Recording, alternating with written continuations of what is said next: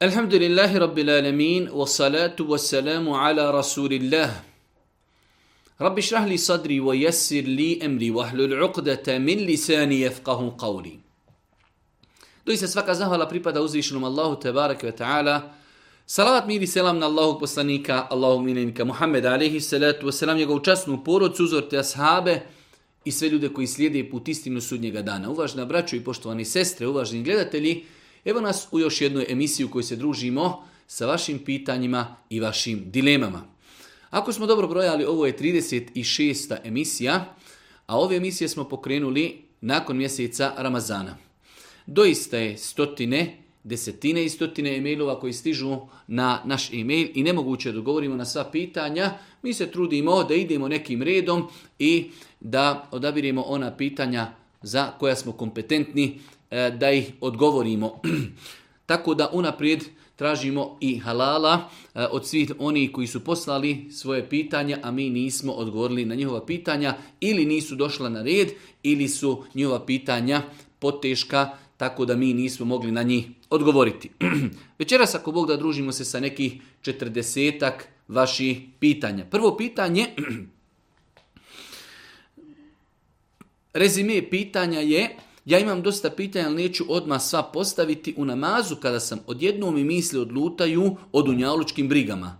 Šta mi je raditi? Iskreno trudim se da sam prisutna mislima i strame da mi namaz nije valjan.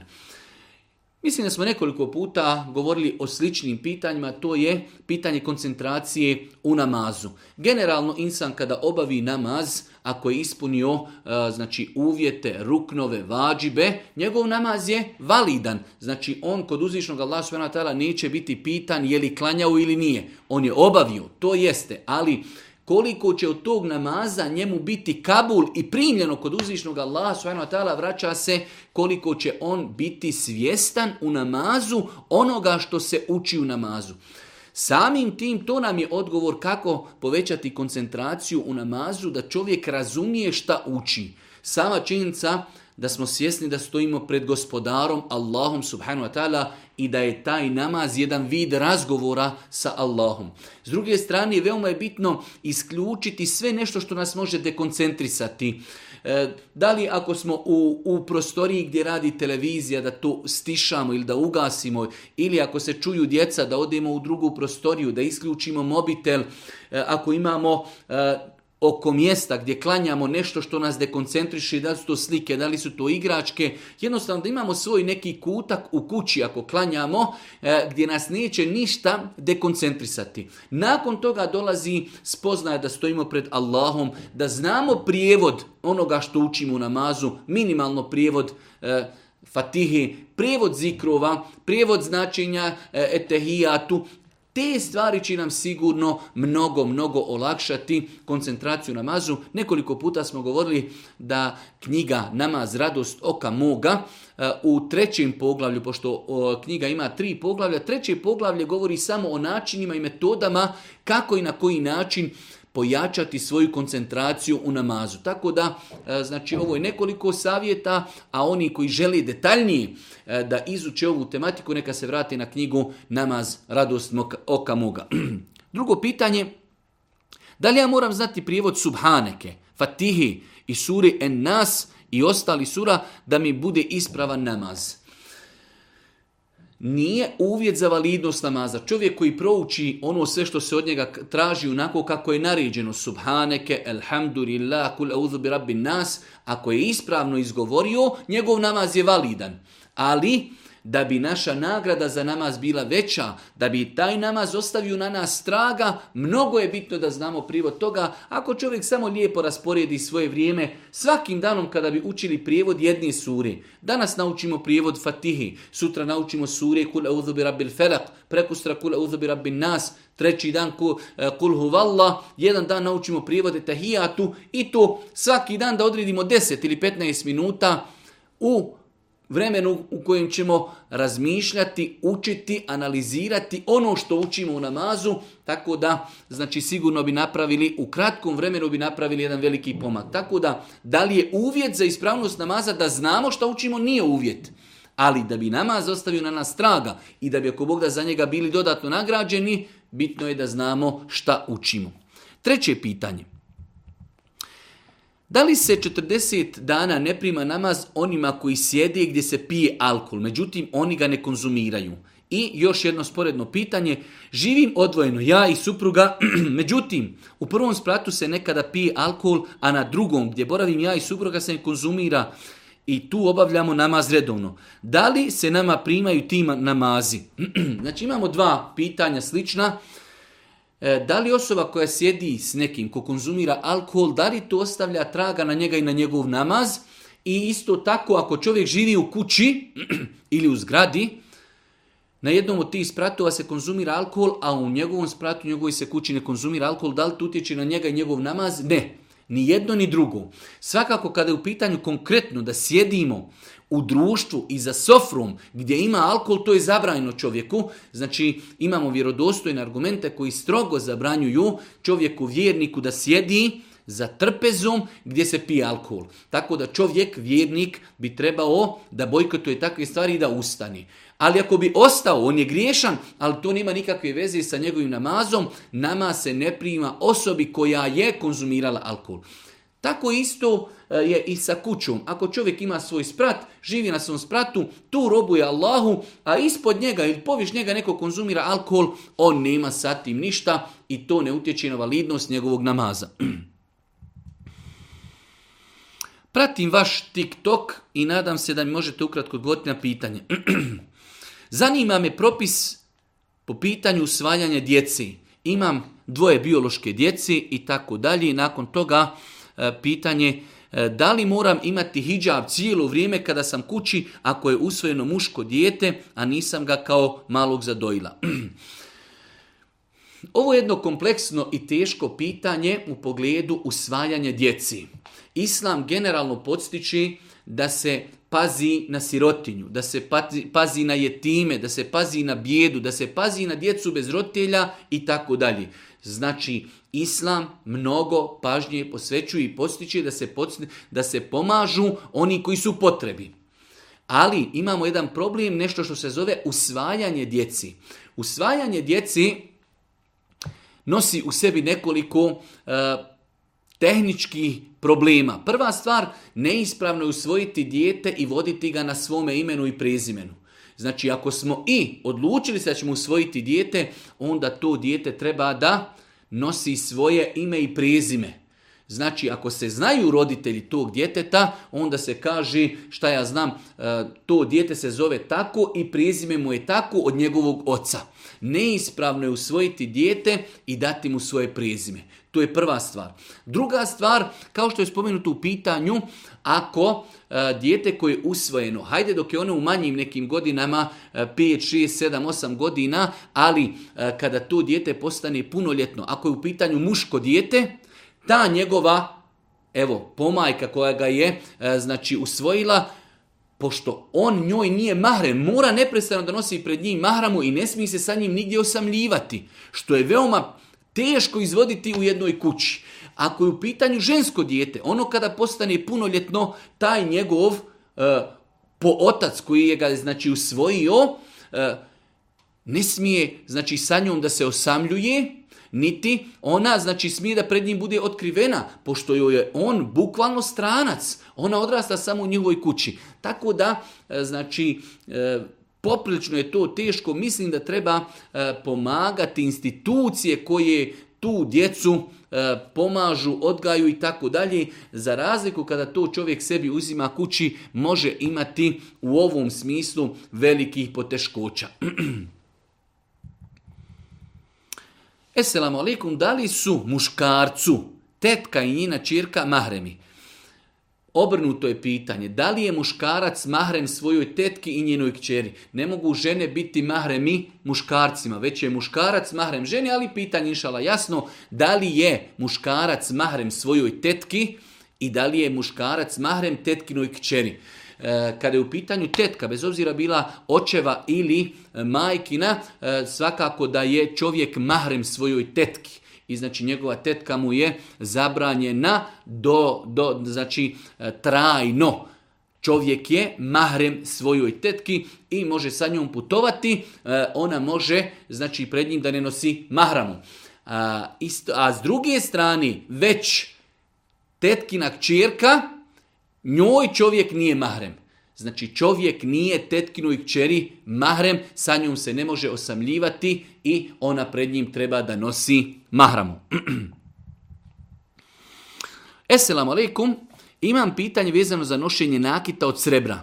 Da li je zabranjeno muškarcu muslimanu koji je pobožan, klanja pet vakata namaza, nositi lančić ili narkvicu od srebra?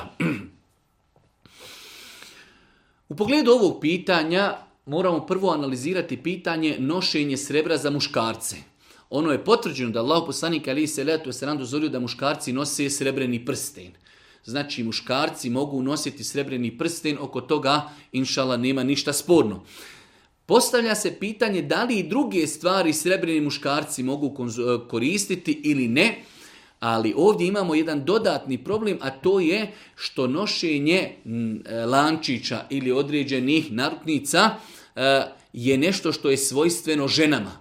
A pa kada čovjek bi nosio e, lančiće ili e, naruknice neke, bez obzira bile od srebra ili nečega drugog, islamski učenjaci su smatrali da je to zabranjeno iz razloga što je to oponašanje žena.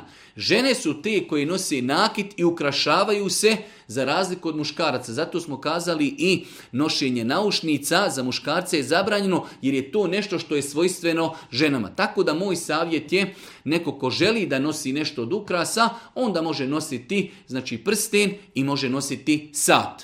Može nositi prsten, može nositi sat, za razliku od lančića ili neke naruknice gdje je bolje da to čovjek izbjegava kako ne daj Bože ne bi potpao e, i bio obuhvaćen hadisima u kojima Allah poslanik ali se letu selam proklinje muškarce koji ponašaju žene i žene koje ponašaju muškarce. Da li je validno šerijatsko vjenčanje preko video poziva ako se nije u mogućnosti biti zajedno zbog pandemije i zatvorenih granica?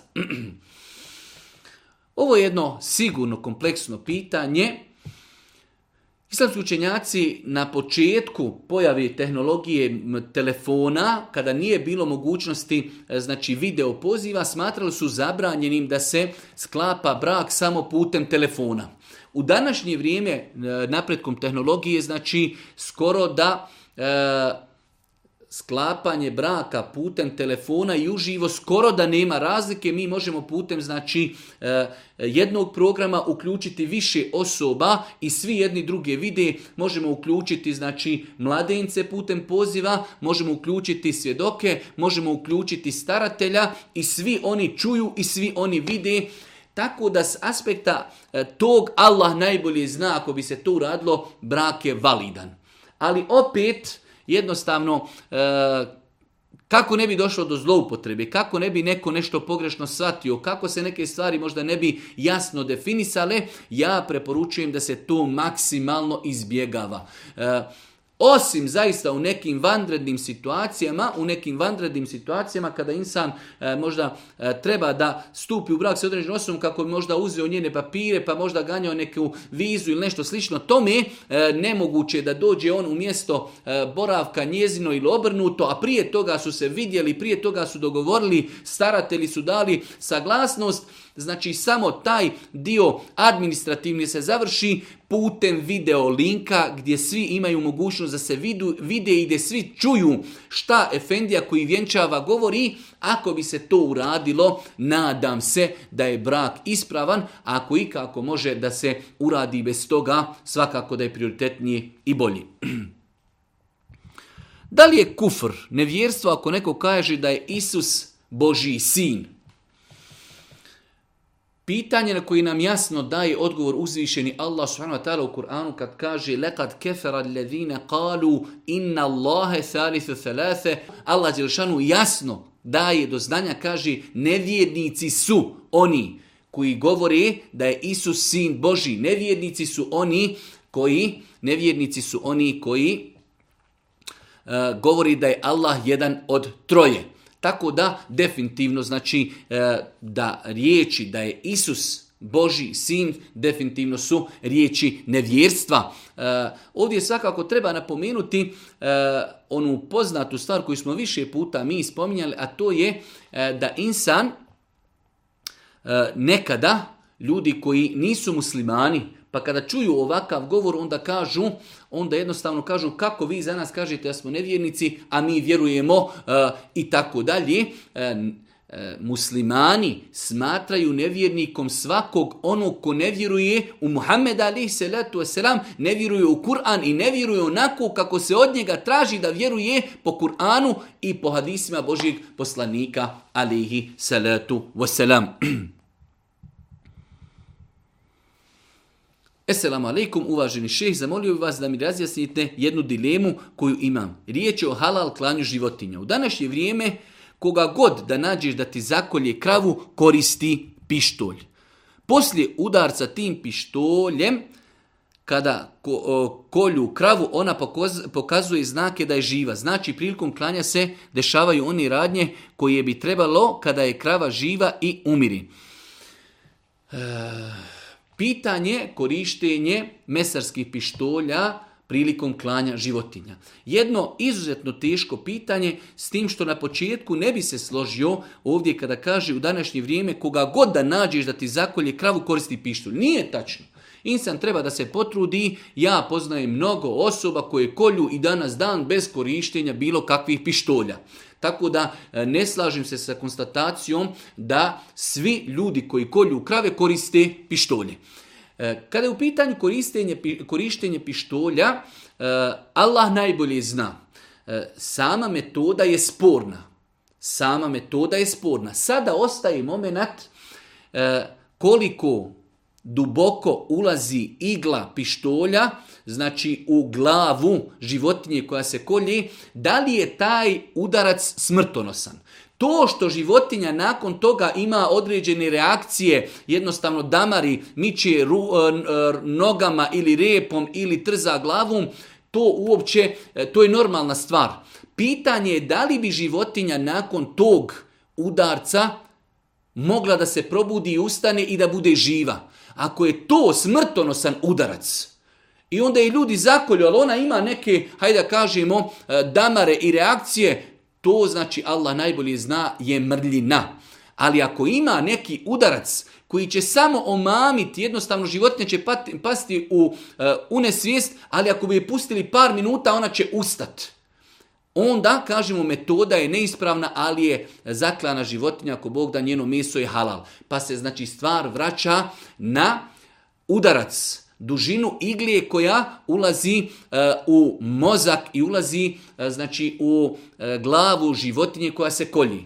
Tako da Allah najbolje zna, najbolje je takve stvari izbjegavati. Najbolje je takve stvari e, izbjegavati, a ako se radi o pucnju u glavu koji će znači usmrtiti životinju i ona nakon toga neće ustati, ne može se probuti, takvo uklanje je znači i neispravno šerijetski, pačenje životinje, s druge strane i meso nije ispravno, ali ako bi imali mogućnost znači da životinju samo pikujemo, da je smirimo, ali ako pustim nekoliko minuta ona bi ustala i počela bi hodati, tada kažemo metod je neispravan, ali je meso inšala ako je zaklano ispravno i dozvoljeno konzumirati. Nadam se ako Bog da da smo pojasnili ovo pitanje. da li je ponavljati za imamom zikrove kao što su Allahu ekver, semi Allahu limen hamide ili njegovo učenje vrijedi za sve nas? Jedno poprično dugo pitanje, u svakom slučaju imamo namaze koji su uče se u sebi, imamo namaze koji se uče na glas. Kada je u pitanju, znači svi namazi ponavljati za imamom tekbire od početnog tekbira pa sve ostalo je, e, pogotovo kad u pitanju početni tekbir, je obaveza. Trebamo ponavljati ono što govori imam. Postoji razilaženje da li se ponavljaju za imamom riječi semi Allahu nimen hamide. Ja lično sam stava da čovjek i kad, kada klanja u džematu, kada imam kaže semi Allahu limen hamide, i mi ćemo kazati semi Allahu limen hamide i onda ćemo nastaviti Rabbena velekel hamd. Ostaje ono jedno pitanje, to je učenje Kur'ana u surama gdje se uči naglas učenje Kur'ana u surama gdje se uči naglas kao što je E, sabah prva dva rekiata kao što je akšan prva dva rekiata i jacija prva dva rekiata. Ja lično sam stava da kada imam uči na glas mi ne trebamo ništa učiti, ništa. Mislimo na fatihu, znači i kada on uči suru. Ali na trećem rekiatu, na četvrtom rekiatu svakako da treba. A zikrove rekli smo sve od početnog tegvira Allahu Ekber i sve ostalo što god imam izgovara i mi ga, i mi ga slijedimo u tome pa čak i u riječima sem Allahu limen hamide, a rekli smo kada je u pitanju znači namazi gdje se uči u sebi, učimo sve, a kada je u pitanju, kada su u pitanju namazi u kojima se uči na glas, na prvim rekijatima kada imam uči Fatihu i Suru na glas, mi tada slušamo i e, pratimo njegovo učenje.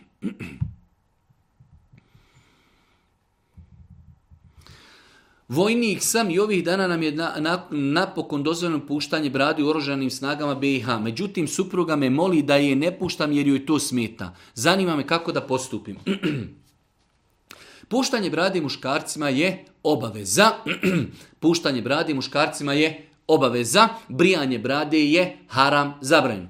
Tako da u ovom slučaju, hvala Allahu Đelšanhu, pa i oni ljudi koji su u armiji imaju mogućnost da nose bradu, što je svakako za svake pohvale. Sad ostaje taj moment da čovjek jednostavno treba da svojoj supruzi pojasni da je to stvar u kojoj on nema mogućnost nekog velikog kalkulisanja, to je meni naređeno obaveza, treba da pustim bradu, e, treba da to žena i prihvati, jednostavno razgovor, dijalog, ali shvati me da znači kao što moram klanjati namaz, normalno, brada i namaz nisu na istom nivou, ali samo e, poređenja radi, kao što moram klanjati namaz, da li se tebi sviđa ili ne, ali ja moram klanjati namaz, isto tako naređeno je da pustam bradu i da je ne smijem brijati, tako da žena vjernica trebala bi da prihvati, čak što više da joj bude drago, da bude zadovoljna da njen muž nosi bradu, da slijedi sunet Božijeg poslanika alihi salatu wasalam.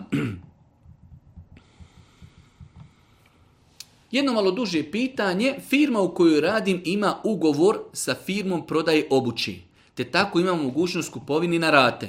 Nakon što sam kupila čizme i potpisala ugovor, tek sam pročitala da se spominje zatezna kamata ukoliko se zakasi sa plaćanjem. Plaćam isti iznos kao što bi se platilo i u kešu samo koliko bi dobila otkaz ili iz nekog e, drugog razloga ne bi platila na vrijeme, računa se kamata. Ovo je jedno od pitanja savremenog doba. E, slično je stanje i kada uzimamo, e, primjer radi mobitel od BH Telekoma ili negdje drugo na rate, gdje nam oni stavije klauzulu ako ne bi platili ratu, obračunavaju se zatezne kamate. U svakom slučaju ja sam stava da je to bolje izbjegavati jer je to ugovor koji u sebi sadrži nešto što je sporno šerijatom. Ima učenjaka koji su smatrali E, od kojih šehu Islam je, koji je imao jedan veliki princip, kada god u kupoprodajnom ugovoru ima nešto što je sporno, ako mu možemo poništiti taj tu klauzulu, a da kupoprodajni ugovor i dalje ostane validan, to je i prioritetniji. U svakom slučaju, e, mislim da je prioritetnije da insan izbjegava ovakve kupoprodajne ugovore u kojima ima klauzula ako ne platiš. Makar ti znao da ćeš redovno plaćati, ali ta klauzula kao da si ti to odobrio, tako da svakako je bolje da vjernik to izbjegava. U ovom slučaju ako se to već desilo, onda insan smatram da je najbolje da što prije e, završi sa tim, e, znači ako i kako može, da odmah isplati sve to, kako jednostavno sebe ne bi, ne daj Bože, dovodio u neku situaciju, da možda negdje okasni pa da mu neko obračunava e, zateznu kamatu, tako da možda odmah isplati ono što je dužan da isplati, iako Bog da, nadamo se da nije grišan zato što nije znao ali u budućnosti kada želimo nešto uzimati na rate da se utvrdi i uvjeri da li u ugovoru imaju sporne stvari s aspekta islama. Ako postoji klauzula koja nas obavezuje, ako okasnimo da će biti obračunate zatezne kamate, makar mi znali da ćemo redovno plaćati, ne bi trebali da ulazimo u takvu kupoprodaju.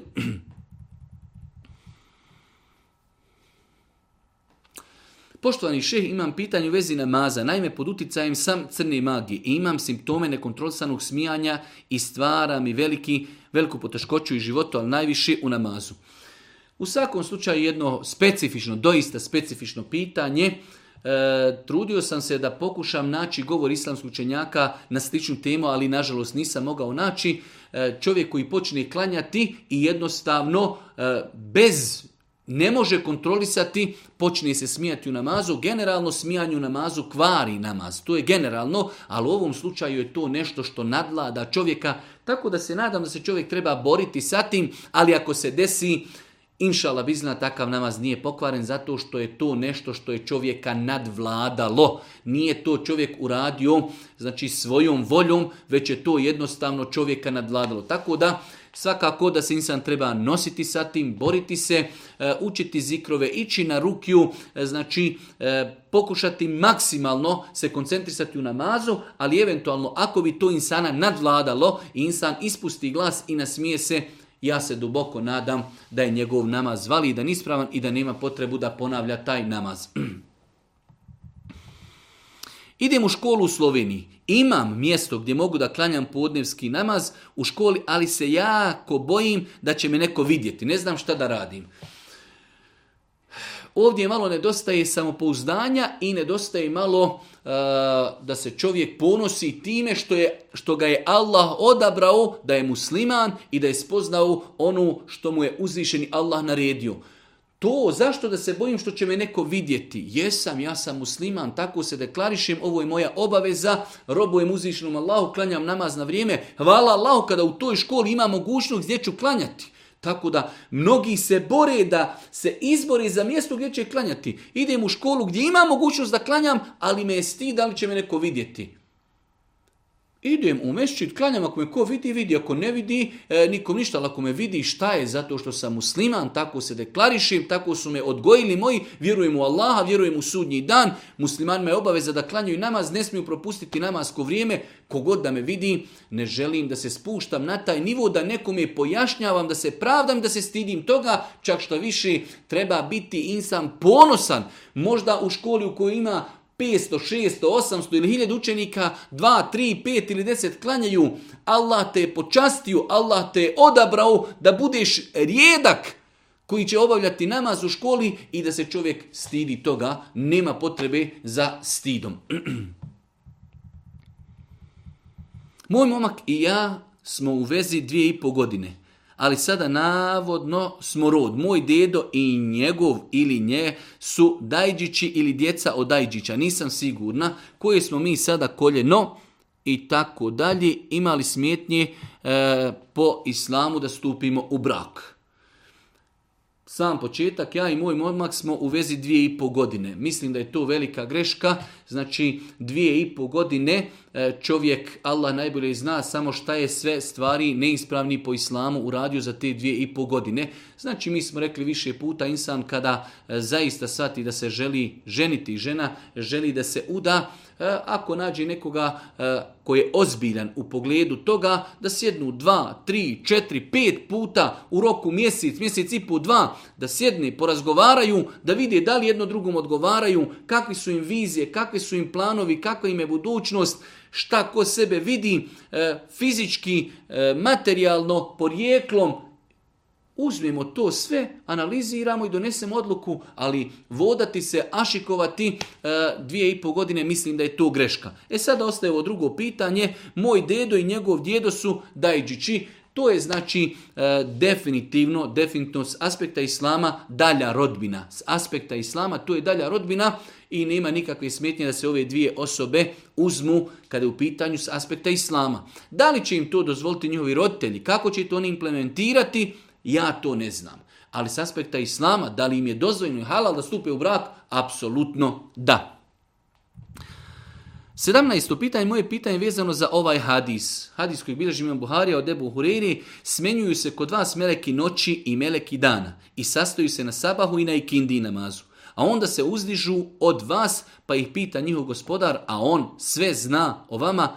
Kako ste ostavili moje robove, odgovorići, došli smo im, a oni su klanjali, napustili smo ih, a oni su klanjali.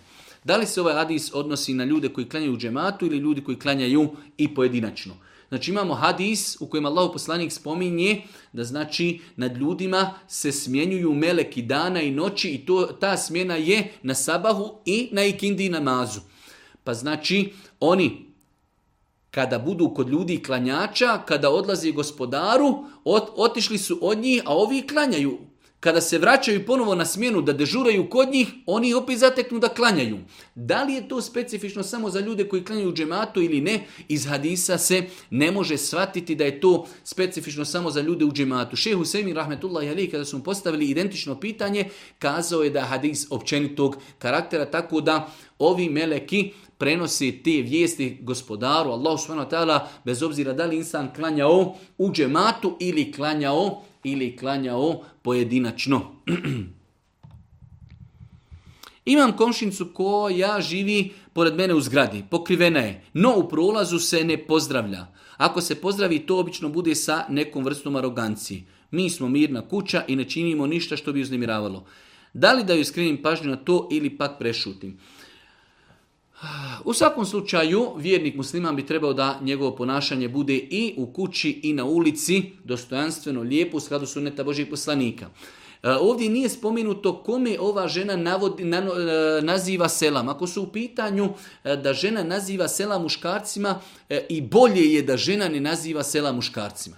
Bez obzira što su komšije, ali znači bolje je, ne kažemo da je zabranjeno, ali je bolje da žena ne naziva sela muškarcima. Žena može nazvati selam svojoj komšinici, muškara da nazove svome komšiji selam alik mu selam. Žena da nazove u prolazu svojim komšinicama selam, žene žena, muškarci muškarcima. Tako u tom kontekstu ako se pitanje odnosi žena ne naziva sela muškarcu i bolje da ne naziva. Ali ako je u pitanju da žena ne naziva drugim ženama selam, onda znači ako ima prostora nekada kada se vidi, kada budu pile kafu, budu razgovarale pa da fino kaže Allah te nagradio, vidim da nekako teško izgovaraš selam, vidim da je to malo, imali eh, ima razlog za to i tako dalje. Da se nako porazgovara, nazivanje selama je sunnet, pohvalan čin, za razliku kada nam neko već nazove selam, nama je obaveza da odgovorimo. Tako da eh, ne treba nešto mnogo zatezati oko toga, ali ako bude prilike u jednom lijepom dijalogu, u lijepom ambijentu, u jednoj lijepoj atmosferi, da se kaže to primjetno je da nekada kada nazivate selam drugim komšinicama, da to malo eh, bude vam kao teško, pa imali za to razlog, zašto? Da se jednostavno možda neke dileme i riješi. Živim u velikom gradu, ali sa malim brojem stanovnika islamski vjeroismet, dugo sam kupovala gotovu hranu u mesariju koju su mi uporno govorili da koriste juneće meso.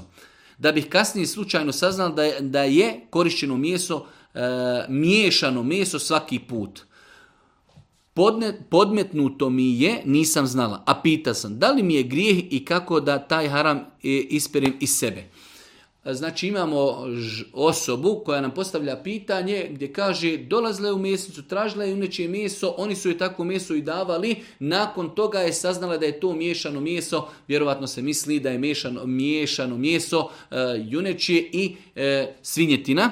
E, Šta može u tom momentu raditi? Može uraditi da prestane više tu kupovati, da im više ne vjeruje, a to ako je radila iz neznanja, nakon što je poduzela sve što je mogla. Znači insan treba da poduzme sve što može. U ovom slučaju kao da vidim da je osoba poduzela sve što je mogla, pitala je, oni, oni su joj e, podvalili, e, sakrili, prevarili je. Šta insan može u svemu tome? Jednostavno, e, e, laju yukellifullahu nefsen illa usah. Allah ne opterećuje insana preko njegove mogućnosti. U ovom slučaju insan je poduzeo što je mogo nekomu podvalio. Šta mi možemo nakon toga? Ne možemo ništa, znači insan treba da odluči da ne kupuje kod takvih osoba više koji nisu povjerljive, da nađe drugo mjesto gdje će kupovati, gdje je provjereno halal meso i to je to. 19. pitanje, izvinjavam se, ako je već ranije bilo pitanje, da li se preko surmije može uzimati abdest? Da li se preko surmi može uzimati abdest? Allah najbolje zna, znači postoji nekoliko vrsta različitih surmi. Imamo surmu koja je doista samo kao boja. Jednostavno, eh, kada je nanesemo na tijelo, ako uzmemo poslije vodu, na tu surmu, znači voda dolazi do koži. Ali isto tako imaju, kao što kažu islamski učenjaci, vrste surmi e, koja je, surma ima svoju masu, koja kada se nanese, primjer radi na oči ili na neke druge dijelove tijela, ta, ta masa sprečava dolazak vode do tijela. U tom slučaju, u tom slučaju obaveza je uklonuti takvu surmu i nakon toga uzeti abdest. Znači vraća se sve na vrstu surmi. Ako je surma samo boja, obojila je našu kožu, ali nema nikakve masi, tada ako Bog da abdest preko surme je ispravan. Za razliku od vrsta surme koje imaju masu, koja kada se stavi na kožu, jednostavno više voda ne može preko surme dolaziti do koži, u takvom slučaju je obaveza ukloniti surmu prije abdesta, nakon toga abdestiti kako bi voda mogla doći i doprijeti do koži. 20. pitanje. Da li je dozvoljeno jesti novogodišnje slatkiše kao što je na primjer čokoladni djeda mraz? Da li je dozvoljeno jesti novogodišnje slatkiše kao što je na primjer novogodišnji djeda mraz? Islamski učinjaci su kazali da muslimanima nije dozvoljeno proizvoditi niti prodavati slatkiše koji imaju jasan lik živog bića, u ovom slučaju čovjeka. Znači, muslimanima nije dozvoljeno proizvoditi, niti prodavati. Ali, ako bi se desilo da je neko donio nama taj poklon, jednostavno takav poklon hrana, ko hrana je u osnovi halal, ali njena, e, njen izgled je sporan, tada nema inšala. Nadamo se nema ništa sporno da čovjek to pojedi. Ali ne treba to čovjek kupovati, niti treba proizvoditi, niti treba kupovati niti prodavati. Da nema sa tim nikakve veze. Ali ako mu to već neko donese, nije mu donio svinjetnu, koja je u osnovi zabrajna. On je nama donio slatkiš koji je u osnovi napravljen od halal znači smjesi, ali izgled toga je samo neispravan, mi kad njemu, hajde da kažemo, otkinemo ili ruku ili nogu ili glavu, on već gubi svoje konture i mi to ako Bog da možemo jesti. Tako da znači kad su u pitanju slatkiši e, koji imaju oblik živog bića, da li je u pitanju čovjek ili nešto drugo, muslimani to ne trebaju proizvoditi, ne trebaju prodavati, ne trebaju kupovati. Ali ako bi im to neko donio, inša Allah, ne vidim ništa smetni, ništa sporno u tome da to čovjek pojedi.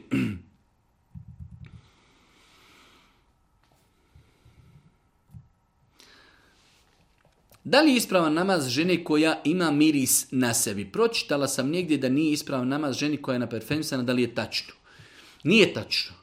E, žena kada je u pitanju parfem može biti u dvije situacije. Može imati parfem na sebi i biti u kući i njoj namaz je apsolutno ispravan, nema nikakve veze korištenje dezodoransa i parfema sa namazom. Imamo drugu situaciju da žena kada izlazi iz kuće želi u džamiju pa se na parfemiši. opet njen namaz sa parfemom je ispravan, ali je griješna što je iz kuće izišla na parfemisana jer su došli vjerodostojni hadisi u kojima Allah poslanik ali se letu selam strogo zabranjuje ženi da izlazi iz kuće na parfemisana, čak u nekim hadisima to Boži poslanik naziva takvu ženu bludnicom. Pa je znači strogo, ali baš strogo zabranjeno ženi kada izlazi iz kuće da bude na parfemisama. Znam kako naš narod odma razmišlja, je li to znači da žene ne treba da vode evidenciju o higijeni, je li znači treba bude čupava, je li treba da znači da se ne i tako dalje, ne znači.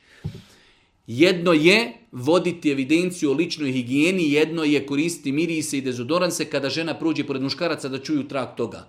Ali isto tako to nikako ne isključuje i sama činjenica da žena pet puta dnevno abdesti i da je se kupala i tako dalje, nema smetnje i treba i potrebno islam posjeće žena vodi evidenciju o ličnoj higijeni, ali govorimo o aspektu mirisanja zabrajenoj ženi prilikom izlaska iz kući kada će biti u situaciji da prolazi pored muškaraca, zabranjeno da se parfemiše, ali to ne utječi na validnost njenog namaza.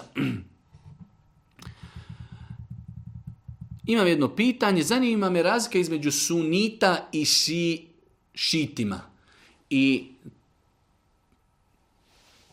znači razlika između šija i sunija.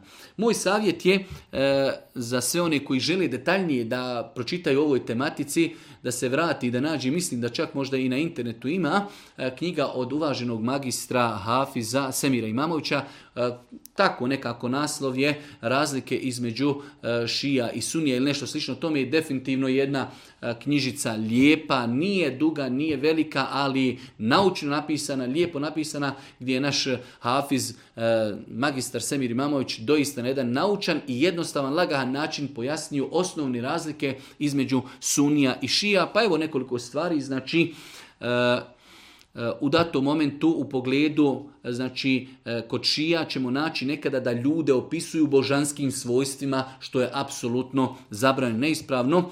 Isto tako posredovanje imama u dovi je apsolutno neispravno. E, svetost kaburova njihovih imama e, je opet e, apsolutno neispravno. Vjerovanje u Alin Vilajet, i vjerovanje da Alija radijallahu taranhu je bio prioritetni hilafeta od Ebu Bekra i Omera i Osmana je apsolutno jedna od razlika na koju se nagrađuju mnoge druge razlike između sunija i šija. Isto tako uzdizanje imama iznad poslanika, prema učenju e, šija, njihovi imami, njihovi imami su nepogrešivi. Njihovi imami su nepogrešivi i uzdižu ih iznad e, stepena i poslanika. Uzdižu ih iznad stepena poslanika. Sve ove stvari koje spominjemo su preuzete iz njihovih knjiga, iz njihovih, e, znači, naučnih dijela koja govori o ovim pitanjima. Isto tako šije smatraju da je Kur'an iskrivljen, E, imaju izuzetno nakaradan e, stav prema ashabima, znači po mišljenju nekih učinjaka, ashaba je bilo preko 120.000, e, za razliku od šija koji smatraju da su samo dvojica, trojica ostali, e, da se nisu odmetnuli od islama i tako dalje. To su neki, da kažemo, neke razlike koji su krupne, krupne, velike, ogromne razlike između šiitskog i sunijskog vjerovanja. Moj savjet je svima onima koji žele da detaljnije pročitaju ovoj tematice, doista da se vrate i da nabave knjigu od Hafiza, magistra Semira Imamovića. Ja živim u Njemačkoj i primam financijsku pomoć od države. Sama sam i radim pomalo na crno. Moje pitanje je da li je meni haram ako radim par sati na crno i uz to primam pomoć od državi. Vraća se na uvjete državi. Ako država uvjetuje da osoba koja prima pomoć od državi da joj je zabranjeno da radi na crno, tada insan treba da se pridržava toga, zato što znači u tom slučaju e, kršimo e, pravilo onoga koji nam nešto daje u poklon. Znači u islamu kada neko daje nešto na poklon i postavi uvjete, mi možemo uzeti taj poklon samo ako ispunjavamo te uvjete. Imamo danas i, i u našoj državi, u Bosni i Hercegovini, imate nekada određene privilegije koje država nudi za ljude koji imaju određene uvjete. Ako ispunjavaš te uvjete, imaš pravo na to. Ako ne ispunjavaš te uvjete, onda nemaš pravo da uzimaš tu pomoć. Tako da, znači, insan ako uzima određenu privilegiju, pomoć od države, onda treba da pazi da ispuni uvjete koje mu je država postavila. Da li se zikr može učiti na transkripciji? Znamo da je zabranjeno učiti Kur'an, a za zikr ne znamo. Jedno interesantno, ali isto tako teško pitanje, definitivno pisanje Kur'ana i učenje Kur'ana transkripciju je zabranjeno. E, ogromna većina ajde da kažemo i Leme i daija našeg podneblja ne vidi, bar praktično pokazuju da ne vidi ništa sporno u tome da se dove pišu na transkripciji. Ja lično kada sam radio knjigu Slaz dove, knjigu sam poslao na recenziju i na pregled eh, profesoru, doktoru Rusmiru Čoković koji sugerisao to pitanje i ja sam to pitanje i uvrstio u fusnoti da je on spomenuo da smatra da je zabranjeno da se dove pišu na transkripciji kako bi se ljudi afirmisali i podučili i kako bi se postakli da i dove uči na arapskom tako da e, definitivno jedno interesantno pitanje o kojim treba e, razmišljati, treba ljude podučavati i kada uči dove Božih poslanika ali se letu veselam, da je najbolje da ih uči na arapskom jeziku, jer kao što možemo napraviti grešku kada čitamo Kur'an na transkripciji, skoro pa identičnu grešku možemo napraviti i ako dove, jer je to arapski jezik koji je izrekao Boži poslanik, ako ih učimo na transkripciji, tako da e, generalno je savjet da i dove treba učiti na arapskom i sa arapskog teksta, a ako bi ih neko učio na transkripciji, kažem, ono što je praktično vidno da e, velik broj daija, šehova, profesora, magistara, doktora, znači e, u svojim tekstovima pišu dove putem transkripcije, tako da je to jedan vid, jedan vid odobravanja takvog postupka, ali definitivno, definitivno onaj ko želi e, da postupi po jačim i bogobojaznijem mišljenju, bolje da se dove isto tako uči direktno sa arapskog. jedno čudno pitanje, ali eto, šta znači kada kažemo umu, bint, ibn i tako dalje. E, ovo su standardni, klasični arapski, arapske riječi kada kažemo umu Fatime, majka Fatimi. Znači, Arapi generalno imaju e, jedan način e, predstavljanja, pa dosta puta ljudi imaju nadimke, imaju kunje, gdje čovjek kaže za čovjeka ako ima sina koji se zove Ahmedom, kaže Ebu Ahmed. Ne kaže njegovo, njemu je možda ime Mohamed, ali on za njega kaže ovo je otac Ahmedov. Jednostavno to je e, stil i jednostavno respekt i poštovanje da Arapi se predstavljaju po svojoj djeci. Pa tako isto žene. Ženi je možda ime Fatima, ali ima čirku Sumeja. Pa ona kaže, ja sam umu Sumeija, ja sam Sumejina majka. Ne spominje svoje ime, ne kaže da je ona Fatima, ona kaže ja sam umu Sumeija, ja sam Sumejina majka. Tako da riječ um znači majka majka tog i tog djeteta, ja sam Ummu Ahmed, ja sam Ahmedova majka. E, znači, e, Arapi to koristi kao jedan vid respekta i uvažavanja međusobno. E, bint i Ibn, čerka i sin. Znači, Ibnu Abdullah, ovo je sin Abdullahu. Bint Abdullah, ovo je čerka Abdullahova. Znači imamo tri riječi um, znači majka, bint znači čerka i ibn znači sin. Izvinite što vas ovako pitam, ali zanima vas ako osoba u snu sanja da je masturbirala ili imala odnos, a ne zna da li je ejakulirala, i za muško i za žensko, da li je obavezna da uzme gusul. Islamski učenjaci su spomenuli jedno veliko pravilo na osnovu hadisa Božih poslanika, ali se letu selam, kada je upitan o, o osobi koja u snu e, vidi, e, vidi znači intimni kontakt, pa, je Boži pa su ga upitali da li mora da se kupa, kaže Boži poslanik nam i da hi rat ma. Da, pitanju bila žena, jest obaveza je se okupati ako vidi tragove. Ako vidi tragove, znači e, mokre tragove na svojoj odjeći e, od od znači ejakuliranja i od orgazma. Tako da E, u ovom slučaju, znači ako osoba je sanjala, bez obzira šta je sanjala, da li je sanjala intimni kontakt, da li je sanjala masturbiranje, nešto drugo, kada ustane, pogledat će u svoj veš E, znači, ako na unutarnjem vešu ne bude nikakvih tragova e, ili na tijelu ili na spolnom organu, ako ne bude nikakvih tragova, e, onda nije obaveza da se kupa, dok ako primijeti tragove, znači isticanja tečnosti, onda se je desilo znači ejakuliranje semena u snu kada nam je obaveza da se okupamo, pa je znači osnova da čovjek na osnovu tragova će presudjeti da li ili ne treba da se kupa.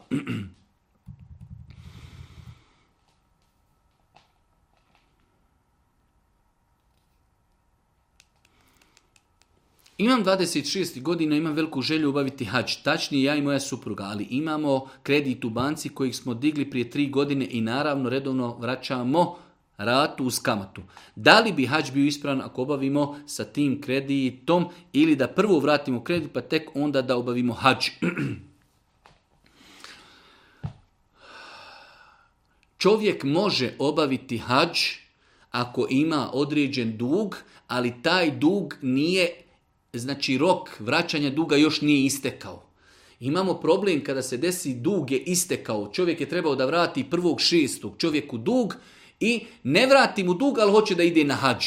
U takvom slučaju mi kažemo čovjeku, to je tebi je obavez da vratiš dug. Ako nakon vraćanja duga imaš još novca, idi na hađ. Ako nemaš, ti nisi obavezan da ideš na hađ. Ili traži saglasnost i dozvolu od vlasnika duga da ti pomjeri vraćanje duga, pa s tim novcem idi na hađ.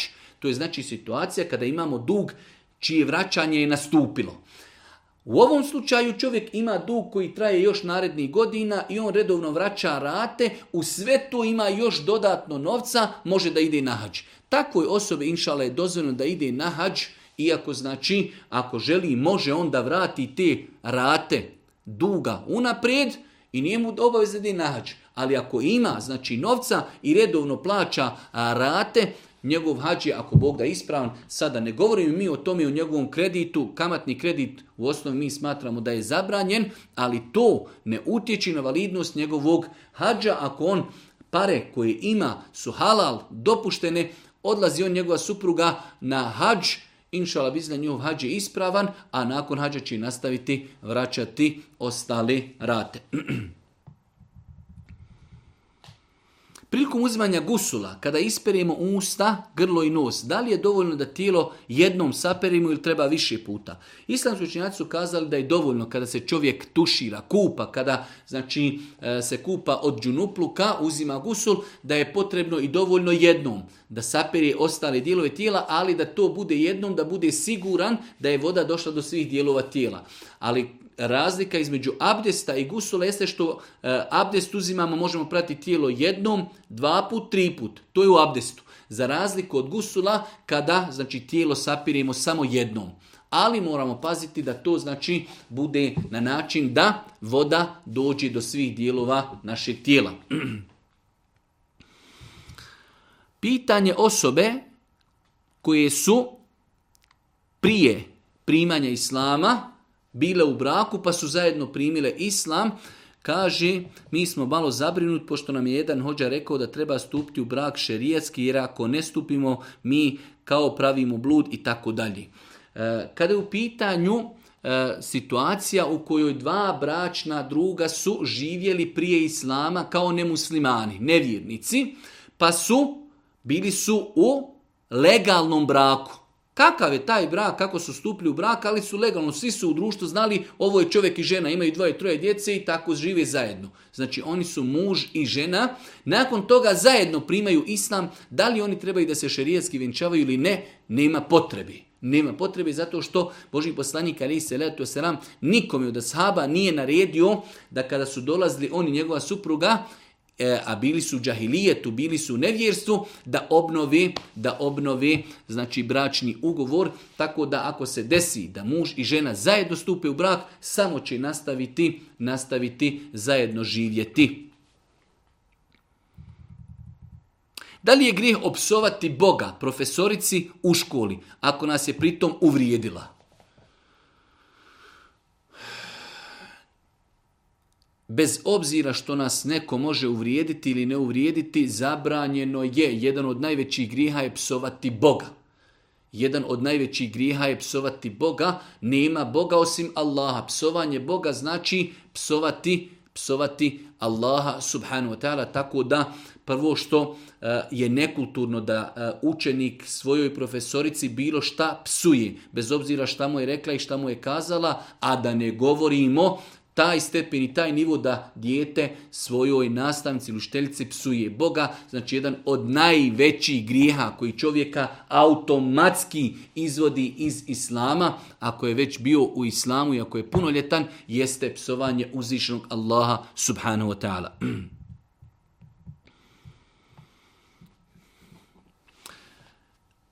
Kršćanka sam i želim da prijeđem na islam. Naučila sam klanjati, prestala da pijem i jedem svinsko meso. Počela sam čitati Kur'an, imam pitanje anonimno. Da li da zvanično prijeđem u islam tek nakon što pročitam cijeli Kur'an ili bi trebala da prijeđem u islam i nakon toga da nastavim sa čitanjem Kur'ana. Jedno možda i teško pitanje, ali u svakom slučaju generalno osoba koja svati percepciju islama, svati e, kako islam gleda na pitanje Boga u islamu, to je ključni moment. Ako svati da u islamu nema trojstva i ako svati da je Isus u islamu poslanik, da nije Boži sin, to su glavnije stvari koje čovjek treba da svati ako je to insan shvatio iz svog ličnog ubjeđenja, bez ikakve prisile, ulazi u islam, znači svakako da je bolje da što prije e, prijeđe i prihvati islam, šta zna, može se sutra desiti da umri i otišao je sa Dunjaluka kao nevjernik, a mi muslimani vjerujemo da onaj ko ode sa Dunjaluka kao nevjernik, kao nemusliman, ostaće vječno u vatri.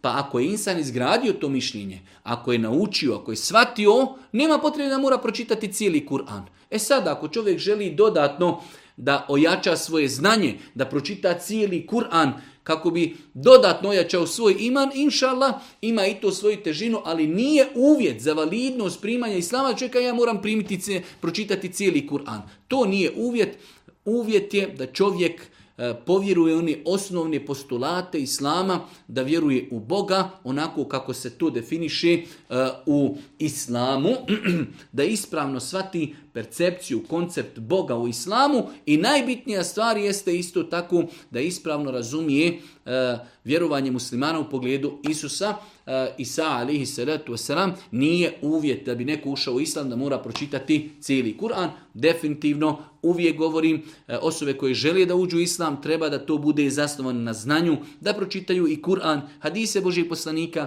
da pročitaju knjige iz dogme, iz akide, vjerovanja, da znaju gdje idu, da znaju šta je pred njima, a ne da možda poslušali su samo jedan segment iz islama, žele da uđu islam pa se možda poslije nešto i naiđu neki propis, ne mogu da ga razumiju, možda da posustaju, možda da se razočaraju i tako dalje. Tako da je veoma bitno da njihov ulazak u islam bude zasnovan na znanju, na uvjerenju i na ličnom odabiru. Šta se misli po time da Allah neće oprostiti javni grijeh? Imamo hadise Božeg poslanika, ali se rad sam da je kazao, e, svi sljedbenici moga umeta, Prevodi se to, bit će im oprošteno, ali termin u arapskom e, znači nešto mnogo, mnogo i, i drugo i ima različitih značenja. Tako da ono što možemo kazati, kao što su kazali islamski učenjaci, e, insan ako se pokaje od svih grijeha, pa i od onih koji javno činio Allah će mu primiti njegovu teubu i pokajanje. Ali Svakako da je gnusno i neispravno i da je to dodatni grijeh, da čovjek uradi grijeh i Allah ga prekrije. Ljudi ne znaju, zato on ustane sutra i ljudima govori ja sam uradio to i to, ja sam uradio i to, to i to. E, tada sam učenjaci ovaj hadis u kojem je spomenuto da Allah neće oprostiti tom insanu imaju različita, imaju različita tumačenja. Da li je grijeh spavati bez odjeće ili bez donjeg veša? Insan ako spava u prostoriju u kojemu niko ne ulazi i nema mogućnost da ga neko iznenadi i vidi otkriveno njegovo tijelo, nema smetnje ako mu to predstavlja neki rahatluk i neku uživanciju, nema smetnje da spava bez ikakve odjeći, ali su opet učenjaci kazali iz nekog vida predostrožnosti insan uvijek može se desiti da neko uđe u njegovu sobu, da nije pokucao, da ga zatekne, da je otkrivenog tijela i da vidi njegove avrete, tako da je definitivno bolje spavati E, pokrivenih avrijeta, ali s aspekta da li je to zabranjeno ili ne, čovjek znači nije mu zabranjeno da spava e, znači bez ikakve odjeće, ako zna znači da spava sam u sobi i da niko neće ulaziti tokom spavanja kod njega.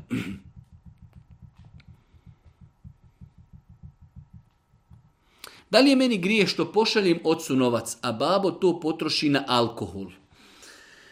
Ovdje imamo jednu stvar, a to je da li je čovjek siguran da će roditelj potrošiti novac u haram.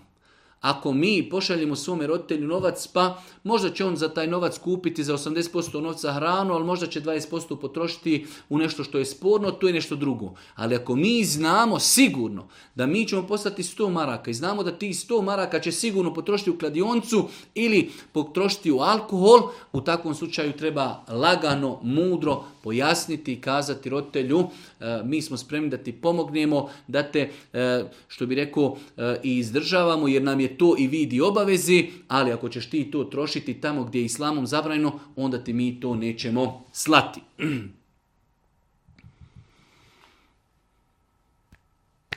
Kuća u kojoj živim je kupljena tako što smo podigli kam, e, kredit i isplaćivamo sada. Da li će se naš namaz dove i post primiti u toj kući?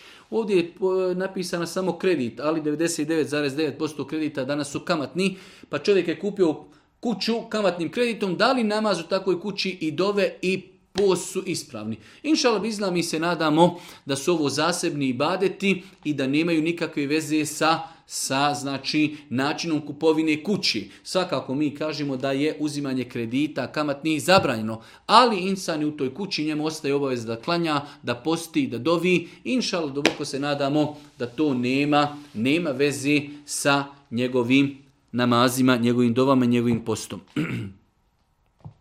Da li treba doktor da bude musliman kada se dijete obrezuje, e, da li je to vađib ili sunnet? Svakako da je lijepo i potrebno da kada čovjek sunneti svoje dijete da to radi musliman iz razloga što musliman bolje poznaje kako treba da to uradi, zato što je to dijelom e, stvar vezana za vjeru, jer je to e, vjerski čin. Ali isto tako ako bi e, imali doktora koji ne musliman, ali zna kako treba da se osuneti osuneti dijete, nema u tome ništa sporno. Znači, e, jer je to u pitanju stvar koja se vezuje za medicinu, kao što možemo, boli nas glava, podimo kod doktora, nekad odemo kod muslimana, nekada kod ne muslimana, i on nam propiše određenu terapiju i mi koristimo. Isto tako, znači, ako je čovjek kompetentan, nemusliman, bavi se sunnećenjem djeci, nema smetnje da se dijete odnese kod njega na sunnećenje ako poznaje kako i na koji način se u islamu znači e, radi takva stvar. Da li moram biti pod abdestom ako čitam Kur'an s prijevodom na materni jezik ili se može čitati i bez abdesta? apsolutno da je dozvoljeno čitati prijevod Kur'ana bez abdesta. Nema nikakve smetnje, e, znači e, prijevod Kur'ana e, prema stajalištu Islama može se tretirati i smatrati kao knjiga tefsira same knjige tefsira, akide i druge iz fika, znači ne znam da je ikad ikod učenjaka uvjetovo da za njihovo čitanje čovjek treba da ima abdest, tako da ako čovjek ima abdest neće pogriješiti, ali ako ne bude imao abdest, nije sigurno griješan. I predzadnje, valjda je predzadnje pitanje, da li je bitno učimo li u namazu sure po njihovoj veličini? Odnosno, možemo li na prvom rekiatu učiti, na primjer, suru kadar, a na drugom ihlas i obrnuto, ili moramo uvijek prvo učiti dužu suru? Kad su u pitanju sure koje se uče u namazu, islamski učenjaci su preporučili da se uče po redoslijedu kako su poredane u Kur'anu od sure Fatiha, Bekara, Ali Imran, en Nisa i tako sve do kul huvalla, kul uzubira bil fele, kul uzubira nas. Pa je pohvalno i lijepo da čovjek ako već uči sure da ih uči po tom redoslijedu. Pa primjer idemo ja pa ide iza džaje, pa tebe tjeda, kul huvalla, kul uzubira bil fele, kul uzubira bil nas. Ali ako bi čovjek i obrnuo redoslijed, inša bizna nije uradio ništa što je, e, znači iz čega proizilazi grije. Lijepo i pohvalno je po velikom broju činjaka da se sure uče po tom redoslijedu, bez obzira koja je duža, koja je kraća. Već se gleda redoslijed, onako kako su u Kur'anu, u današnjem mushafu, ali ako bi se čovjek proučio na prvom rekiatu, primjer radi kule uzubi rabbi nas, na drugom kule uzubi rabbi felak, znači po redoslijedu trebao je na prvom kule uzubi na drugom kulu nas. Ako bi radio obrnuto, inšala biznila, njegov namaz ispravan i on nije griješan zbog toga. Predposljednje pitanje, salam alaikum, molim vas za prijedlog knjige o odgoju djeci. Vjerujem da postoji dosta knjiga o odgoju djeci, e, definitivno jedna od najopširnijih i mislim i najkvalitetnijih knjiga e, kada je u pitanju e, knjige koje su prevedene na bosanski jezik jeste knjiga Odgoj djece u islamu od Abdullaha Nasih Olvana. To je jedna knjiga koja je izdata sigurno ima prije nekih desetak, 15 godina. Mislim da se može naći i na internetu. Ogromna knjiga, sigurno ima nekih 6, 600 ili 700 stranica, odgoj djece u islamu od Abdullaha Nasiha Olvana. doista, doista jedna kvaliteta, kvalitetna i dobra knjiga kada je u pitanju odgoj djeci. Posljednje pitanje, Čista psovka današnjeg naroda jeste psovati sve. To jest, pa opsuje sve. To jest, opsuje sve. Da li ovakve psovke izvodi čovjeka iz vjeri? E, definitivno da bi čovjek trebao izbjegavati ovakve psovke u kojima psuje nekome sve. Kada bi jezički gledali opsovati sve, znači obuhvata i psovati i Allaha, i psovati Boga, i psovati sve ostalo. E, tako da, iako vjerujem da e, velika većina tih ljudi kada takvu riječ kažu i ne misle tako, ali apsolutno prvo vjernik ne treba nikada da psuje, ali s druge strane pogotovo da psuje e, takve stvari, nešto što će obuhvatiti mnogo toga, pa može se kazati da takva psovka obuhvata i psovanje uzvišnog Allaha što je apsolutno opasno, tako da e, svakako da vjernik treba da izbjegava ovakvu psovku. Molim Allah subhanahu wa ta'ala da nas uči na putu istini, molim ga subhanahu wa ta'ala da nam bude milosti na sudnjem danu i na kraju subhaneke, Allahumma da bihamdike, ešhedu in la ilaha ilan stakfiruke wa etubu ilaik. Oh.